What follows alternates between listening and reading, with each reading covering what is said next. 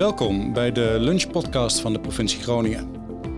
Dit keer hebben we een gesprek over brede welvaart. Brede welvaart, een begrip dat rondzinkt, binnen druppelt in het beleid en ook in onze provincie rondgaat. Maar wat is het? Het gaat over meer dan ons inkomen, de economie, groei. Eigenlijk gaat het over alles wat het leven de moeite waard maakt. Daarom monitoren we ook hoe het gaat met de brede welvaart in Groningen en houden we bij hoe we ons als regio ontwikkelen. Maar dan, de stap richting de beleidspraktijk. Hoe stuur je nou op brede welvaart? En hoe bestuurt een bestuurder brede welvaart? Mijn naam is Ron Lander, ik werk bij de provincie Groningen en ik heb vandaag een goed gesprek over brede welvaart met Joks Jansen. En Joks is praktijkhoogleraar brede welvaart in de regio aan Tilburg University en onderzoeker bij het PON en TELOS.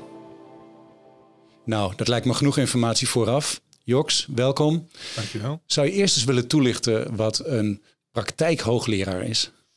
Ja, dat klinkt als een schijnbare tegenstelling, eh, praktijkhoogleraar. Maar steeds meer universiteiten willen natuurlijk dat een onderzoek eh, niet alleen wetenschappelijk eh, fantastisch is, maar dat het ook een effect heeft op de samenleving en de samenleving vooruit helpt.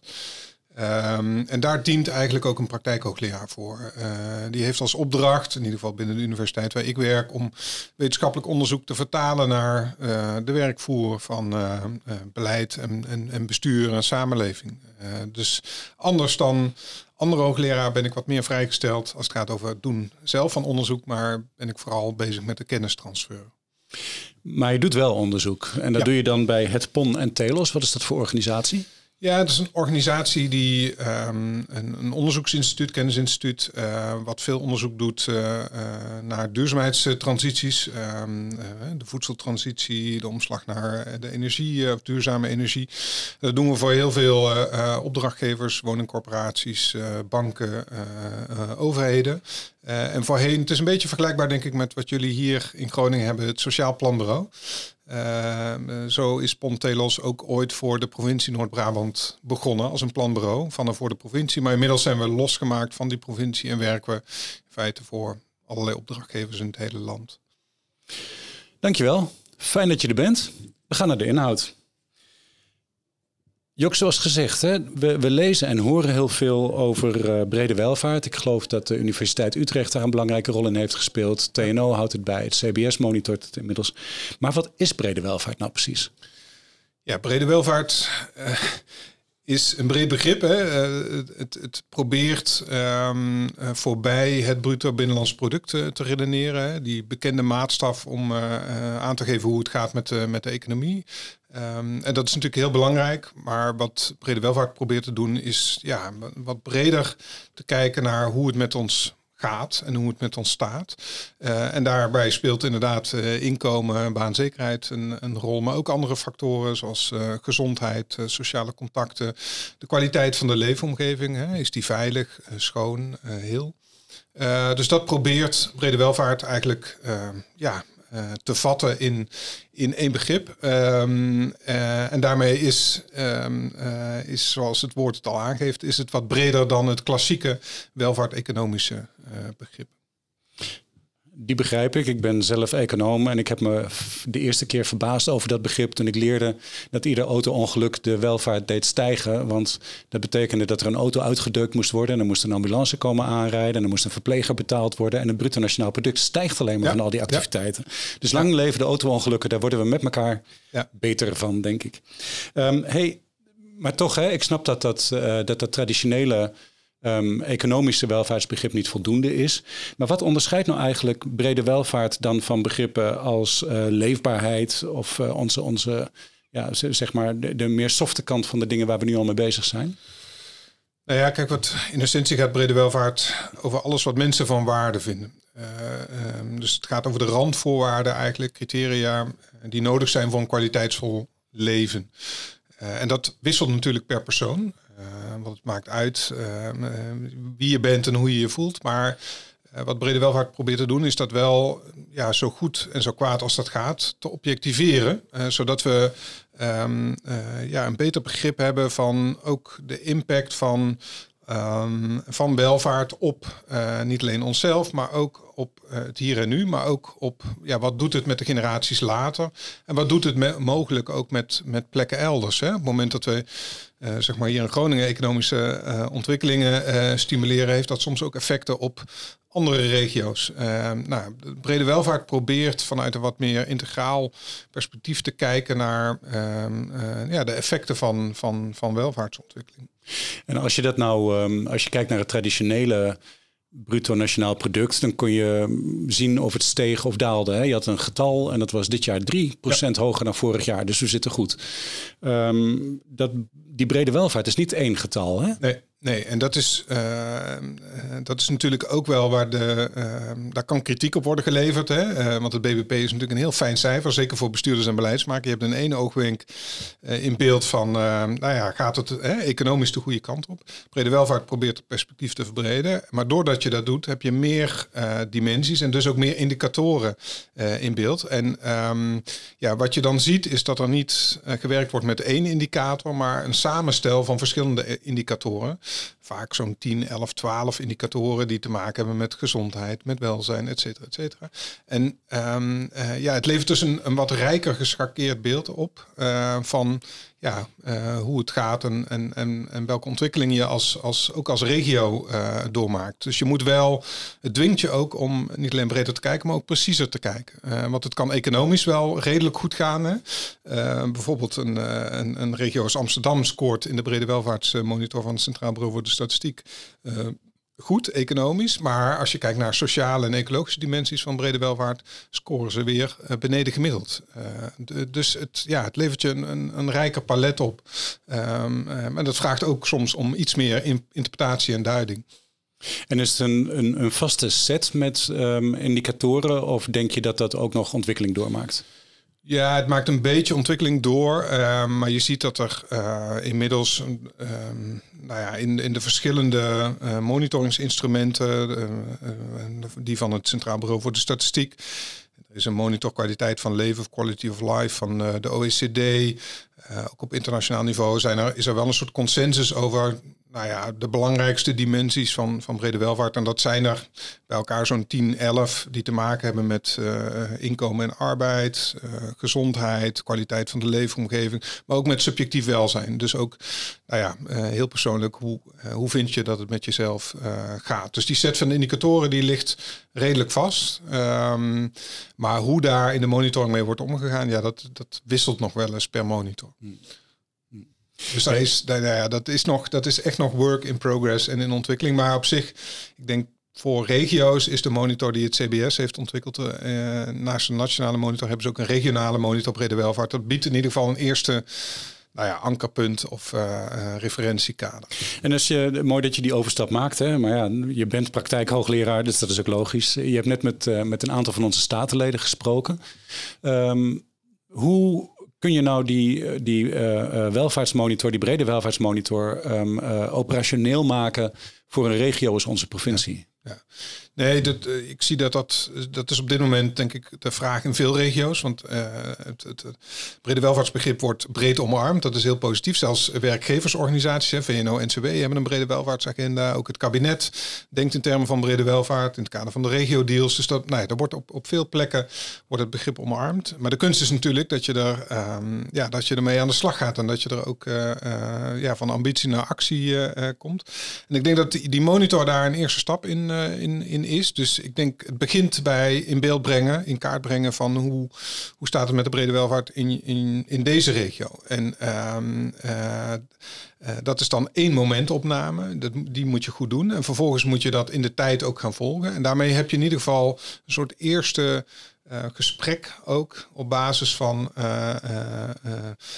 van die monitor. Want op basis daarvan kun je gaan kijken van ja, waar zitten nu knelpunten en, en kansen in onze regio. Hè? Dus, of, of kansen en kwetsbaarheden, het is maar hoe je het noemt.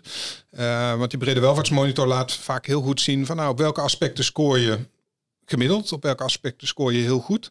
En op welke aspecten uh, scoor je echt ondergemiddeld ten opzichte van bijvoorbeeld andere regio's in, in Nederland? En je, kunt dan, je hebt dan twee knoppen waar je eigenlijk aan kunt draaien. Zeker als het gaat over die positieve aspecten. Ja, dat is natuurlijk zaak om die hè, positief te houden. dus als je goed scoort, zoals in deze regio, als het gaat over kwaliteit van de leefomgeving, hè, het landschap, uh, nou ja, de, de dorpen worden hier hoog gewaardeerd. Ja, dan is het de kunst om dat natuurlijk overeind te houden met beleid, met ruimtelijk beleid. Uh, omgekeerd, de, de zwakke punten, de knelpunten die zo'n monitor laat zien, ja, die bieden een soort aangrijpingspunt om dan daar ook acties op te zetten. En nou ja, daar met beleid aan te werken. Um, en ik heb dat in het verleden wel eens um, ja, getypeerd als ja, want heel veel mensen vragen dan, ja, hoe kun je daarop sturen? En uh, ik gebruik altijd de metafoor van het mengpaneel. Eigenlijk, uh, zo'n brede welvaartsmonitor heeft verschillende indicatoren, verschillende dimensies. En eigenlijk zijn dat allemaal ja, meng. op een mengpaneel heb je ook verschillende schuifjes waar je aan kunt draaien. En, en om de, eigenlijk de muziek van de regio te maken. Hè. Je probeert daarin, dat moet een soort ja, dat moet een lekker lopende muziek zijn. En, uh, en je kunt dan per schuif kijken van ja, hoe ver, wat vind ik een ondergrens hè, als het gaat over brede welvaart. Waar wil ik niet onderzakken? Ehm, en welke, nou ja, uh, welke, wat, wat voor extra geluid zou ik als het ware, welke bastonen of uh, andere tonen zou ik willen versterken? Ja, precies. Ik, ik, ik proef eigenlijk drie niveaus in je antwoord. Hè. Het gemiddelde moet goed zijn. Um, tegelijkertijd, je kunt ook zien waar je hoog scoort en wat je dus moet koesteren, wat de ja. bijzondere kwaliteit van je regio is. En je kunt zien wat er, wat er achterblijft. Ja. Dus ook al is het gemiddelde dan goed, uh, je hebt toch wel aandachtspunten waar je dan extra je beleid op in moet zetten. En hoe hoe is er nou een specifiek advies dat je zou kunnen geven aan ofwel onze bestuurders ofwel uh, onze ambtenaren, um, hoe je dit instrument het beste kunt gebruiken in de beleidsvorming? Nou ja, je kunt het op verschillende uh, momenten in de beleidsvorming, eigenlijk in de beleidscyclus gebruiken. Dus je zou, um, en dat is nu allemaal nog in ontwikkeling, maar waar we mee bezig zijn is om te kijken dat je zowel aan de voorkant van beleid, hè, dus uh, op het moment dat je plannen aan het ontwikkelen bent, dat je eigenlijk aan de voorkant al nadenkt over wat zijn de potentiële brede welvaartseffecten. Uh, we hadden net met Provinciale Staat even kort een, een, gesprekje over discussie over bijvoorbeeld de komst van datacentra. Dat is nou bij uitstek zo'n kwestie um, ja, die, die zich leent om uh, zich te doordenken van wat zijn daar nou de brede welvaartseffecten. Hè? Het doet iets met, uh, met de werkgelegenheid in positieve zin, maar op andere aspecten van de brede welvaart, bijvoorbeeld de kwaliteit van de leefomgeving, hè? Uh, kan het het landschap uh, nou ja, kan het zorgen voor achteruitgang of, of minder kwaliteit. Um, uh, het kan ook, um, nou ja, het doet iets met de, de, de opwek van duurzame energie. Hè? Het doet daar een extra beslag op. Dus daarmee kun je eigenlijk in beeld brengen aan de voorkant van ja, wat zijn de potentiële effecten. Vervolgens kun je iets verderop in de, uh, in de beleidscyclus kun je uh, gaan kijken van als je eenmaal beleid aan uitvoering hebt gebracht, van ja, wat zijn ook daar, wat is de impact van dat beleid? En hebben we dat de brede welvaart ook echt uh, versterkt. En bij welke. Um, uh, ja, ik denk dat je, dat je dan altijd ook heel specifiek moet kijken. Dus ik zei het straks ook al. Uh, je moet denken in termen. Ik spreek altijd over de twee G's van groepen en gebieden. want brede welvaart. Ehm, ja, een gemiddelde zegt niks. De gemiddelde mens bestaat ook niet. Dus je moet altijd kijken naar. Um, ja, welke groepen profiteren. en ja, voor welke groepen gaan vooruit als het gaat over brede welvaart. En welke groepen blijven achter. En vaak zijn de kwetsbare groepen uh, die achterop staan bij brede welvaart, die wonen ook in, ja, niet gelijk verspreid over de provincie, dus op specifieke plekken. Dus het kan ook heel goed helpen om dus gebiedsgericht uh, te kijken. Waarom is volgens jou die brede welvaart zo'n belangrijk concept? Nou, ik denk dat brede welvaart een antwoord probeert te bieden op een aantal grote uitdagingen waar we op dit moment voor staan. En ik denk dat mensen ook wel aanvoelen dat zeker de afgelopen 25 jaar hebben we natuurlijk heel erg gestuurd op, op economische groei, economisch rendement. En dat heeft tot heel veel succes geleid. Tegelijkertijd is de ongelijkheid, hè, sociale ongelijkheid tussen groepen mensen enorm toegenomen. En de effecten daarvan worden op dit moment zichtbaar. En tegelijkertijd hebben we een aantal grote ja, bijna wereldwijde uitdagingen die we ook aan de lijve gaan voelen, die te maken hebben met onder meer de opwarming van de aarde, klimaatverandering. En dat doet ons, denk ik, beseffen dat we, ja, dat we als we alleen maar sturen op de klassieke vormen van, van economische groei, dat we er dan niet komen. Uh, dat dat geen voldoende of adequaat antwoord biedt op die uh, uitdaging. En ik denk dat bijvoorbeeld ook de COVID-crisis heeft daar denk ik ook voor gezorgd. Een soort wake-up call van hey, ehm, nou ja, uh, inkomen en arbeid is belangrijk, maar gezondheid. Hè? En, en nou ja, dat we tussen de middag achter ons scherm weg kunnen gaan en een fijn rondje in de buurt kunnen lopen, is ook heel belangrijk. Dus ik denk dat dat ervoor heeft gezorgd dat het nou ja, brede welvaart nu op een soort vruchtbare voedingsbodem valt. Heb je, heb je voorbeelden van uh, best practices? Van, um, uh, ben jij bekend met situaties waarin die brede welvaart al, al actief wordt um, uh, gebruikt in de beleidsontwikkeling? Nou, je ziet um, nu op verschillende niveaus. Ik denk zowel nationaal wordt er echt wel werk gemaakt van, van brede welvaart. in de, op nationaal niveau heb je natuurlijk de, de monitor van het CBS, maar er is ook een opdracht van het kabinet aan de planbureaus om eigenlijk eh, kabinetsplannen dadelijk te, door te rekenen op een brede welvaartseffecten. Uh, dus dan krijg je een soort, uh, ja, aan de voorkant van beleid sturen op, op, op brede welvaart. datzelfde geldt voor het Centraal, Bureau, het Centraal Planbureau, wat nu werkt aan een soort doorontwikkeling van de MKBA, hè, de bekende systematiek om project- of gebiedsontwikkelingen door te rekenen. Ook daarvan zijn ze nu een soort ja, extra slag te maken, omdat die MKBA ook heel erg sterk kijkt naar alles wat je kunt monetariseren, kwantificeren in termen van geldwaarde. Nou, als je het hebt over brede welvaart, gaat het over heel veel dimensies. Uh, ja, die lastiger zijn uit te drukken. Enkel en alleen in termen van geld. Dus daar zijn ze ook uh, mee bezig. Dus dat gebeurt op nationaal uh, niveau.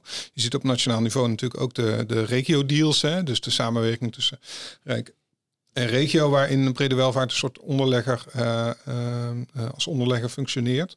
Um, en je ziet in de verschillende regio's dat er in ieder geval in termen van monitoring het nodig gebeurt. Dus heel veel regio's, jullie buurregio, Friesland is al vrij ver. Jullie zijn zelf aan de slag met het kijken of je ook een soort nou ja, op basis van de monitor ook een afwegingskader of een, van, ja, een soort keuzehulp kunt maken om nou ja, beleidsvoornemens of projectvoornemens uh, te doordenken op hun uh, brede welvaartseffecten. Wat zijn volgens jou nou de grootste uitdagingen om brede welvaart dieper in de, in de vezels van een organisatie als die van ons te laten landen? Hè? En, en, en overheden echt te doordringen van het belang van uh, het concept? Ja, dat zijn, er, dat zijn er natuurlijk een aantal, maar ik denk de allerbelangrijkste is om er letterlijk echt mee aan de slag te gaan. Hè? Dus de slag te maken van, van ambitie naar actie. Uh, ik noemde dat uh, vanmiddag van, van de indicatoren naar generatoren. Hè? Je kunt van alles meten en in kaart brengen.